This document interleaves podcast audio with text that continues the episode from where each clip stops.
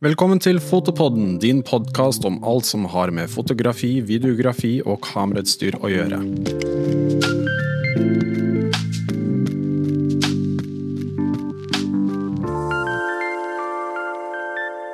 Today's guest has maybe the one of the best offices in the world, the Norwegian Nature. He is a professional wildlife and landscape photographer and a Sony ambassador. He also runs workshops and photo courses in nature and wildlife photography and has a great passion for guiding. Welcome, Floris. Yeah, thanks for having me. And you're originally from uh, the Netherlands. The Netherlands, exactly. Yeah. What made you move to Norway? So I was studying forestry and nature conservation and nature management.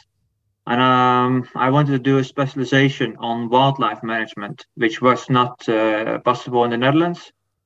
And um, then we found this uh, university here in Norway, where it was possible to do uh, like a four-month uh, specialization in wildlife management and Nordic forestry. So then I came here for I should have been for four months, but completely fell in love with the nature and the surroundings here, and um, I kept coming back for my studies after doing the this this Erasmus project. I did my uh, field work for my bachelor thesis, and then I started even my master's in ecology at the same university two years later in uh, 2012. Uh, also focused on wildlife management, and then I, I decided to to permanently move here. Like what what are the what are the pros and cons of living in Norway? Do you think? The pros, it's uh, the amount of space you have here. it, you don't find that in many other countries, especially here in Europe. The amount of space and nature you find here, and uh, the the calmness you find here. Yes. So in the Netherlands, you can always hear uh, traffic. You can hear airplanes. You can hear people. You can hear cars. You always have some some input, and here you can really still get away from that. And uh, I noticed when I moved here that I became much much calmer. I mm. could concentrate much better. My grades uh, while studying went up.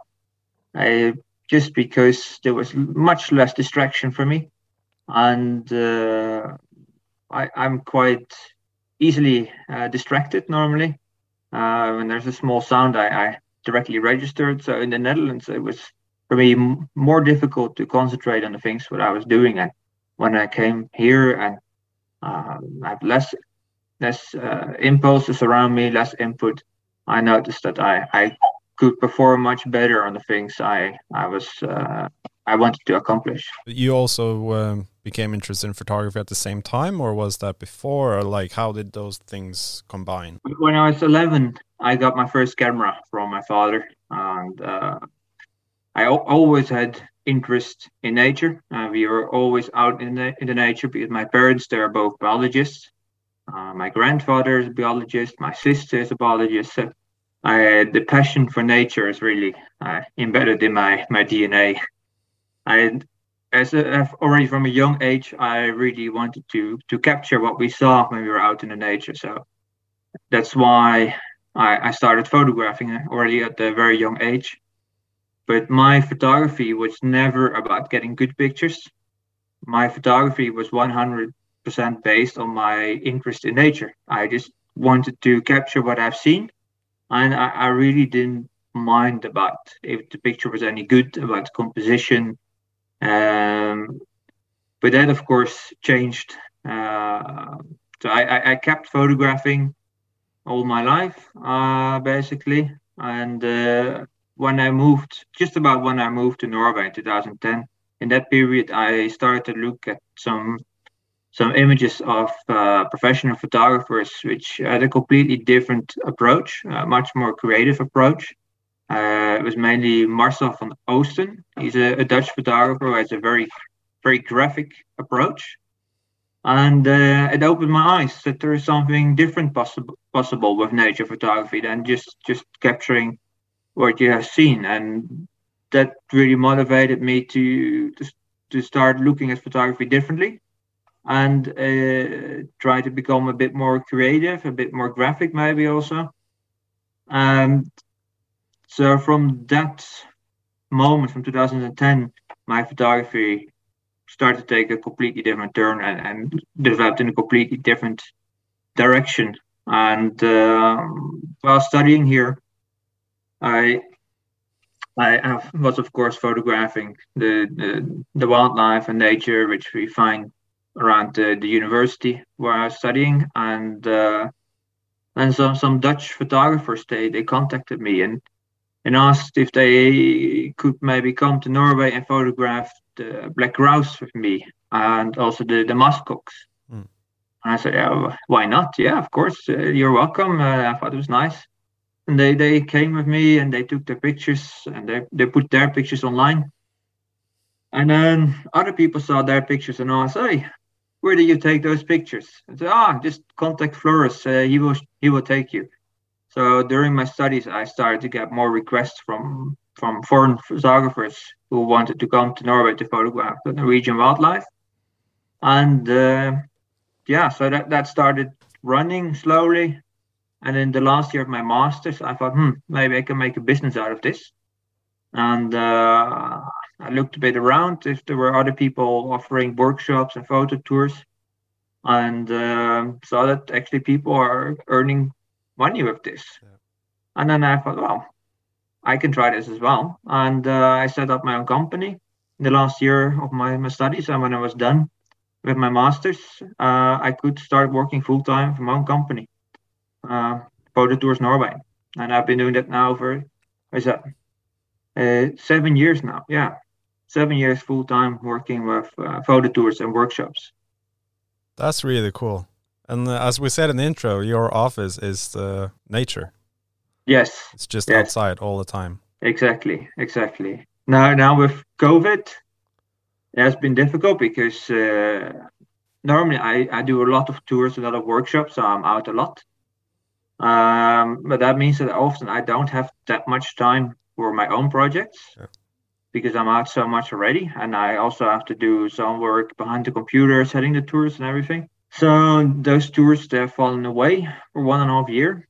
Uh, it was nothing, and then I actually spent the last one half year uh, a lot uh, inside and uh, improving the website, making a new website, finding new customers, and uh, getting new contacts and expanding the company. So actually photographically, the last one and a half year, I uh, has been less productive than what it normally normally was.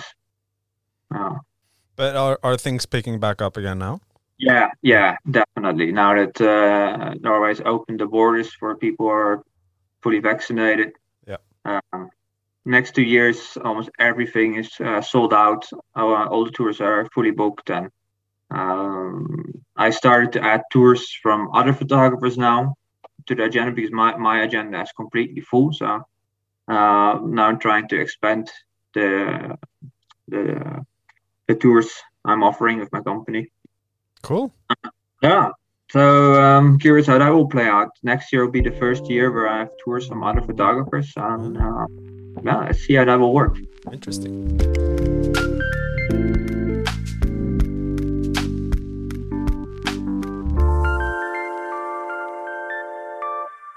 you did something very interesting in the lecture you did at our yeah. uh, photo expo, which is on our YouTube channel, where you showed more or less the same picture at the same location with the same things in the frame, like exactly. at the beginning and then after you had some years of experience. Can you explain like that process? And it's a very slow process, isn't it? Where you you know you start you learn pick up things along the way constantly yeah. about how to get the best pictures yeah so, so i mean photography the development development you make within photography i think it's a very slow process at least has been mm. for me uh, but for me there's been a clear turning point where my style really changed from one day to the other day and that was when I realized that what I was actually doing wrong with my wildlife photography.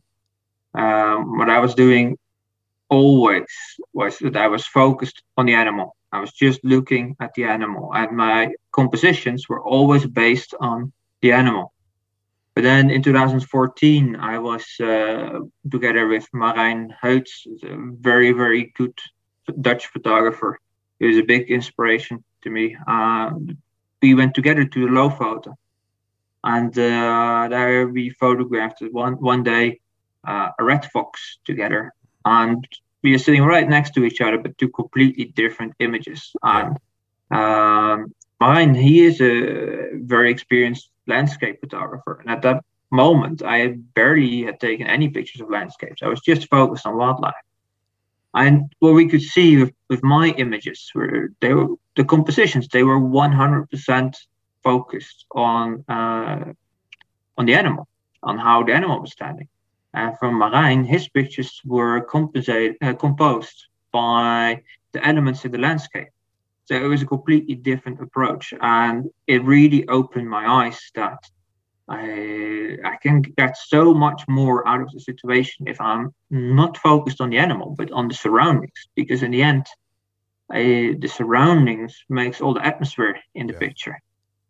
Uh, so that was a clear turning point for me, and then I started to do a lot more landscape photography, really to learn uh, what to look at uh, how to compose, how to look at the lines, how to use the light, I, and that really changed my photography from from one moment to the other moment.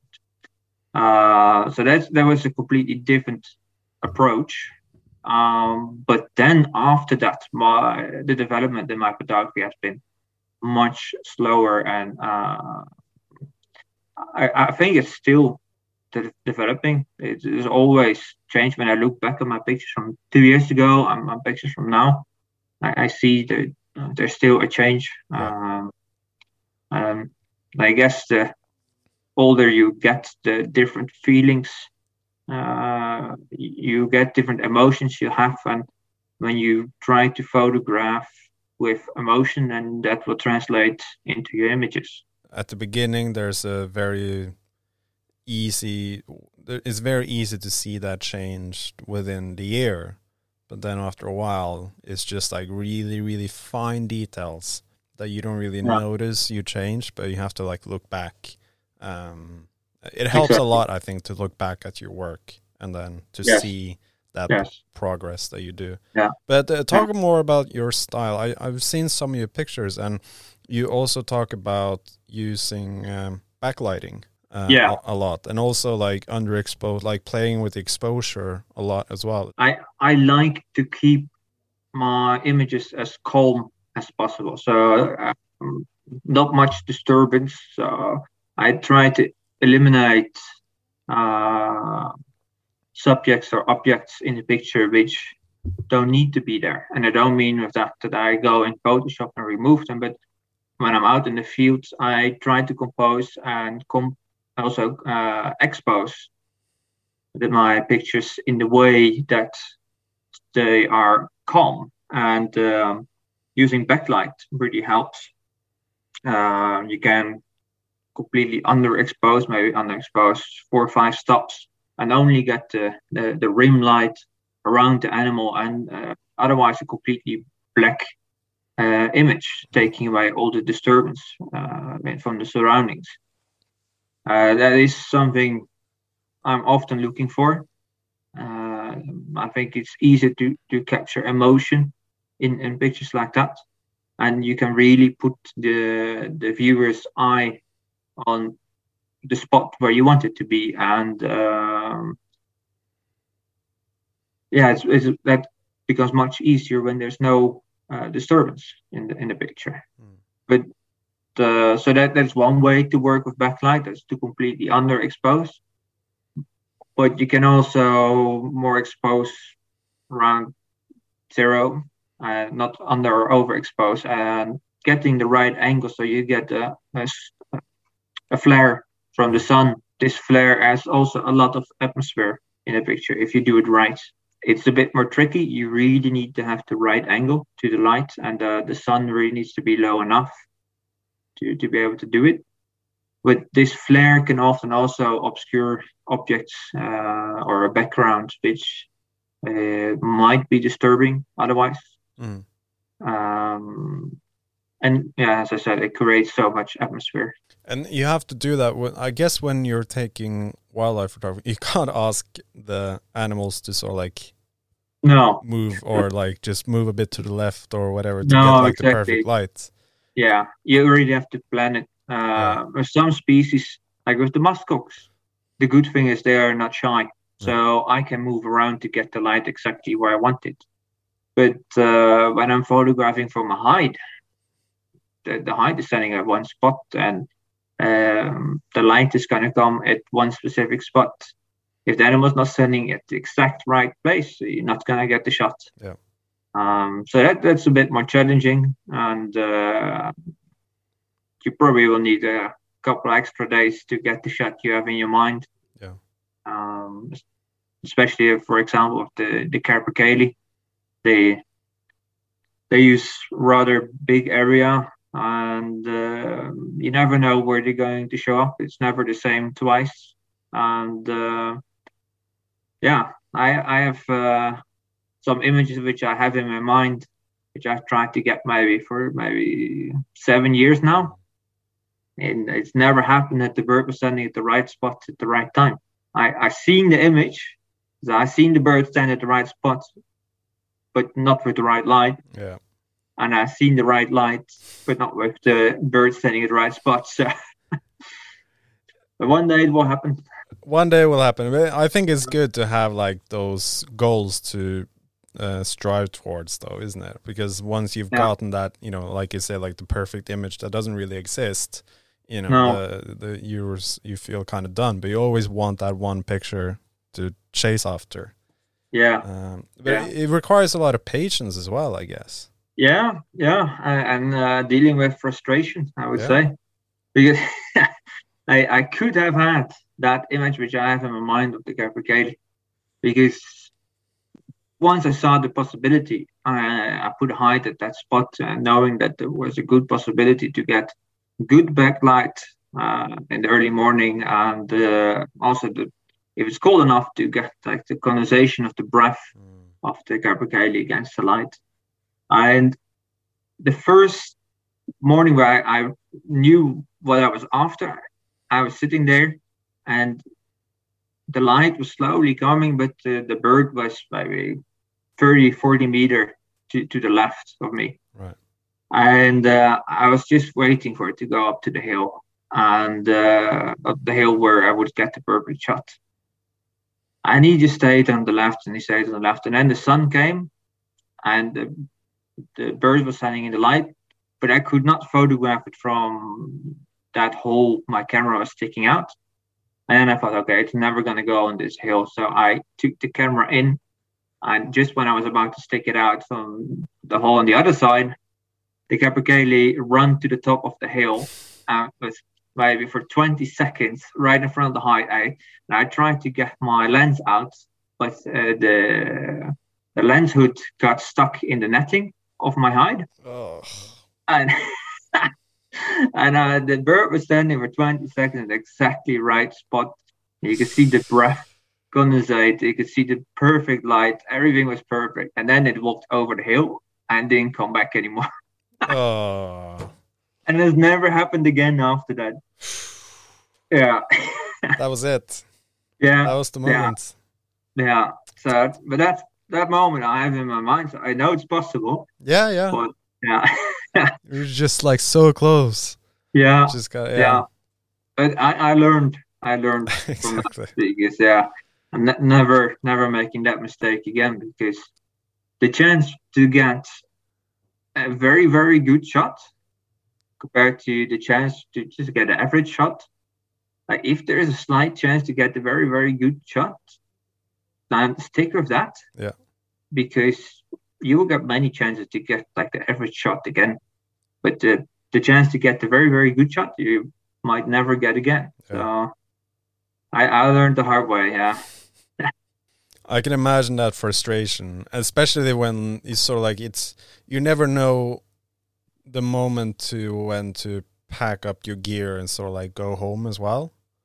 Yeah, that's difficult like, going yeah, home. Because like sometimes, like you know, maybe if uh, just five more minutes, and maybe something will appear that's going to be amazing. Maybe, maybe, Yeah. maybe. Yeah, yeah. Uh, it's good that uh, it gets dark at night. Otherwise, I will be out the whole day. exactly. It's the challenge here in the summer. Uh, if it doesn't get dark, or you just get maybe two, three hours where it's just slightly too dark to photograph, yeah. uh, you, you can just be out the whole day, and yeah, it can be quite tiring. Yeah. Yeah, because you don't want to miss any moments. You you you feel. No, exactly. Yeah, I I know the feeling.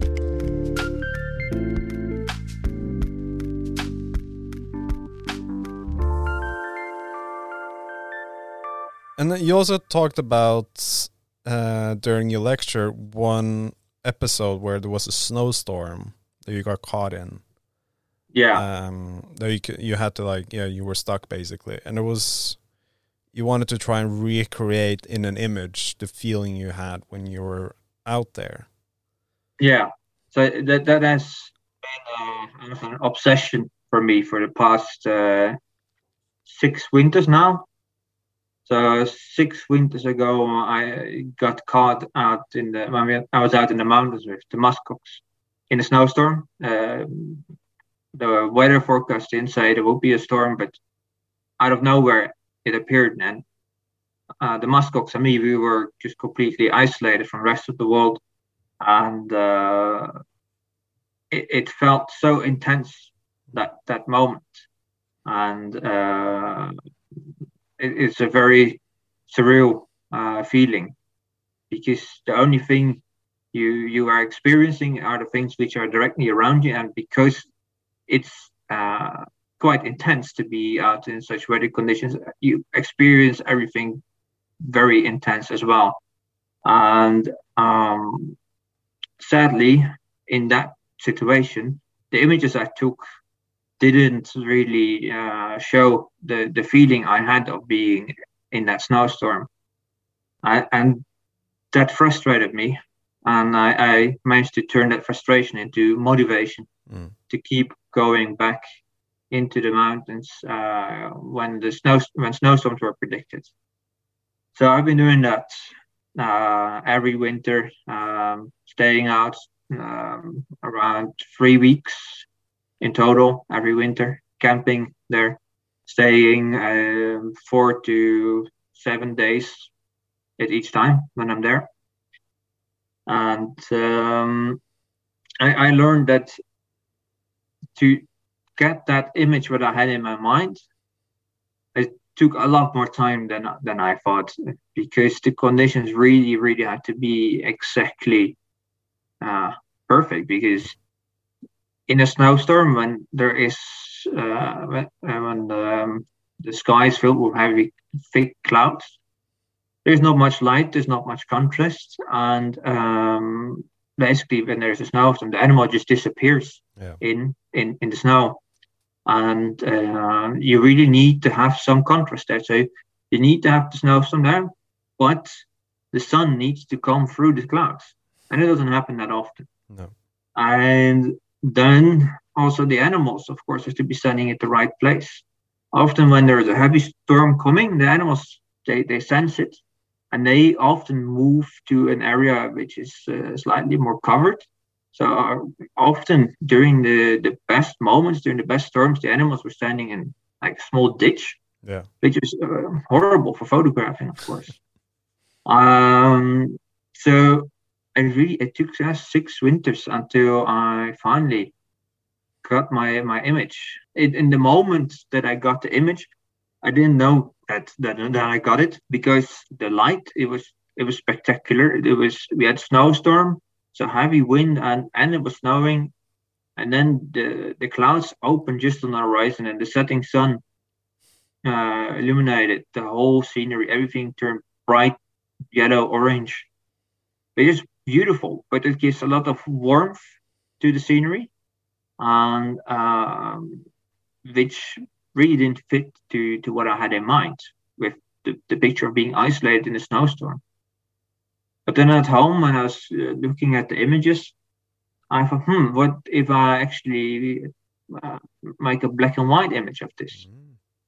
and then uh, suddenly the, you know the, the color is gone and then i really had this this muskox isolated by the snowstorm the light is absolutely phenomenal because the sun was coming through the clouds and uh, you can really see every single uh, snowflake in the air and uh, because of the heavy wind there is this snow drift over the ground on the ground it almost looks like the, the muskox is standing uh, in, in water because of the, the waves the, the snow is making, the drifting snow. And just because the light is coming from behind, you really can can see the snow. And uh, yeah, that, that image is uh, for me, it gives for me the feeling which I, I had the first time when I was there with them isolated in, in the snowstorm. That must be such a good feeling to get that. Yes. Yeah. Yes. Yeah. Just like a relief, just like a burden lifting off your shoulders. Yes, yes. I, if I would have known in that situation that that I got the image I was after, yeah. I would have felt different at that moment. At the moment, there was, of course, it was amazing. It was stunning. Uh, but yeah, the realization that I, I, managed to get the picture I, I was hoping to get that came much later. Yeah. Uh,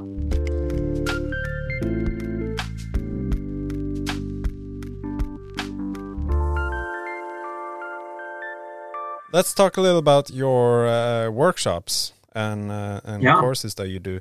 When you're out um, with like a big group, or like I don't know how big groups you usually have. Yeah, so I, with the wildlife workshops, uh, I keep the the group small. Yeah. Uh, with the, the muskox, they, they're quite easy animals. They are not shy, and uh, so the, then it doesn't really matter um, it could be possibly with a big group, but uh, to minimize disturbance and also to, to make sure that everyone can get a good angle on the animal, I take a maximum of uh, six persons with me. Yeah. Yeah, and often um, you're only up to four people, especially autumn. And then in the winter, in the winter it's, it's quite popular. Uh, the trips I'm offering, so um, I was taking five people, five persons maximally, but this year I, I increased it to six. But um, I don't want to increase the group size more. Um, it's, it's, the quality of the, the the workshop starts to go down. I think when I start to take bigger groups and that. Yeah, yeah, yeah, definitely.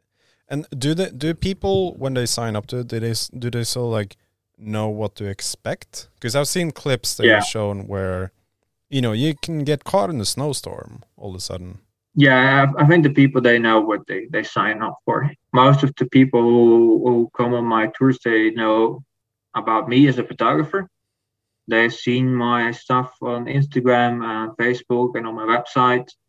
Uh, they have seen uh, movies videos uh, of us out in the snowstorms and um, people know what they're signing up for.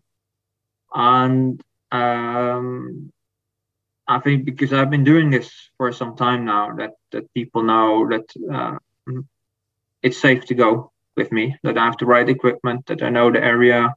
Uh, I know what to do in the situations, and uh, so it, it's safe. Yeah. Now, how does a normal workshop usually look like when you're out in the winter? Yeah, so the one of the to stick with the muskox, yeah. the that uh, those trips uh, it starts at, at, the airport. I pick the, the guests up at the airport. We drive up to uh, Dovrefjell. We have a first overnight at uh, at a nice cozy cabin uh, at Furuhaugli. And then the next morning we uh, use the uh, huskies, uh, dog sledges, to, to get uh, all the equipment up, uh, the equipment and the, and the, the guests up in the mountains. Um, that's about one and a half hour with the the Huskies to get up to our base camp. We set up uh, our base camp. Those are some sturdy uh, winter expedition tents, and um, we are normally done uh, right before uh, sunset, so we have still time to get up to the muskox on the first day and, and photograph them at sunset. And then yeah, we the normal tours, uh, we stay out four days in the mountains. and we we photograph the muskox every day. And um, yeah, as I said, we camp, so that means uh, we have to melt snow to to get water, uh, so there's something to drink, and all the food we have to take that's all freeze dried food because with those temperatures, anything which has moisture in it will directly freeze, and you, you won't be able to eat it. Um, Sounds cold. So that, that's a, sorry. Sounds cold. Yeah, it, it, can be, yeah. but you have the right clothing, the right sleeping bags, and right tents, and uh, and it's very doable. I think. Yeah, absolutely. The only moment which is cold is in the morning when it's the coldest. Is maybe uh, yeah, an average maybe around minus twenty. Then to get out of your sleeping bag and to put on your clothing, I think that's the most annoying moment of the day. Yeah. but otherwise, it's fine. Yeah. yeah. I guess when you're out there and you, if you are prepared enough and you do something that excites you, you sort of forget about all that stuff and you just yeah. enjoy yourself. Exactly. Yeah. Exactly. And especially when you come home and look at the pictures, because like with bad weather like that, you get amazing pictures. I can imagine. Exactly. Exactly. Yeah yeah, it really pays off to be out in those conditions, and um, it all comes down to clothing, yeah. having good clothing. Uh, otherwise, you cannot stay out in those conditions. It, it, then it would be dangerous. But as long as you come the right gear, yeah, I wouldn't say walk in the park, but getting close to it. exactly. And how does the uh, camera gear hold up in those kind of conditions? Yeah, so that was one of the reasons why I, I went uh, for Sony because uh, the Sony gear is very, very good in those cold conditions. I haven't ever had any trouble with any camera. Uh, they never died on me. They never froze on me. Uh, they just work. And um, I have been out with those trips. The coldest days was minus 38 and uh, I was no problem for the gear. Wow. Yeah. Well, I had guests with me with some other brands, which clearly struggled. Um, I had even one guy had two cameras and uh, who he couldn't use. and Luckily, he had a third one who he could use. But uh, yeah, no, with Sony, it's really I'm really really happy. And I, I, guess you have like you know a couple of tricks to keep the batteries warm and stuff like that. So I think one of the the biggest uh, say it misbeliefs is that when a battery gets cold, that it dies, so that the the power just disappears. Um, if if you would warm that battery up, it will be still full. It's just because of the cold, the, the electronic current doesn't want to flow as fast or is not as motivated yeah. to, to, flow from one side to the other side. So what I do, I have, bring, of course, plenty of batteries. I keep them just in my backpack. I don't keep them warm, except for one extra battery which I have under my jacket. And uh, the camera battery dies, I take out that battery I put that under my jacket and take the one which was under my jacket and put it in the camera. And then I'm good to go. When that one dies, I change that one for the one which I took out earlier, which was dead uh, a couple hours before. But when I put that one in, when it's warmed up again, yeah. it's ready to go. Um, so in that way, I can really maximize the, the usage of my batteries. That's a good trick. Yeah, that's a really good trick. And do you bring several uh, camera houses, or do you swap lenses? Yeah, yeah. So um, I normally bring at least three camera houses with me when I'm out. Right, yeah. um, one, I have, I have a Sony A1 with a 400 millimeter 2.8 on it. Then I have a Sony A9 Mark II, uh, on which I have either the 100 to 400 millimeter or the 200 to 600. And then I have uh, either another A9 or I have A7R3 with me and uh, with, with a wide angle lens, uh, mainly the 16 to 35. Hmm. And the reason that I have so many cameras with me is because I don't want to be changing lenses when I'm out in those conditions. Yeah, yeah.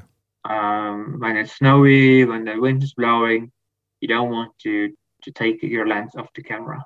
So I want my camera to be ready to shoot with the lens I, I need for the moment. And um, yeah, so that's why I have for each lens a different camera. That's a good tip, I think, especially with uh, mirrorless cameras. Yeah. Swapping lenses in those conditions is, is normally not a good No, idea. no. But now with the new, the new firmware, the the camera put the the shutter curtain down, it down when you now. yeah when you turn it off. Yeah. So that helps to keep uh, stuff out, but still, even uh, if it doesn't end up on your sensor, you don't want any snow inside your camera. Definitely Bad not. idea. Definitely No. not. it's it's uh, weather sealed on the outside, not on the inside. Yeah, exactly, exactly. no weather sealing on the inside. No. No, no, no.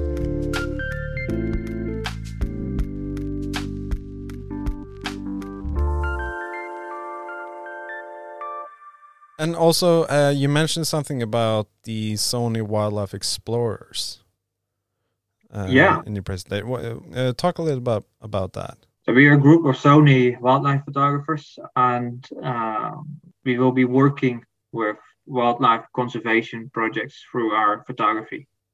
And this is rather new project, and uh, we are just starting it up. We just started uh, also an Instagram account uh, dedicated to this project, and um, we will get quite much exposure from from Sony on uh, online. And uh, also they're pushing some magazines uh, to, to to write about us.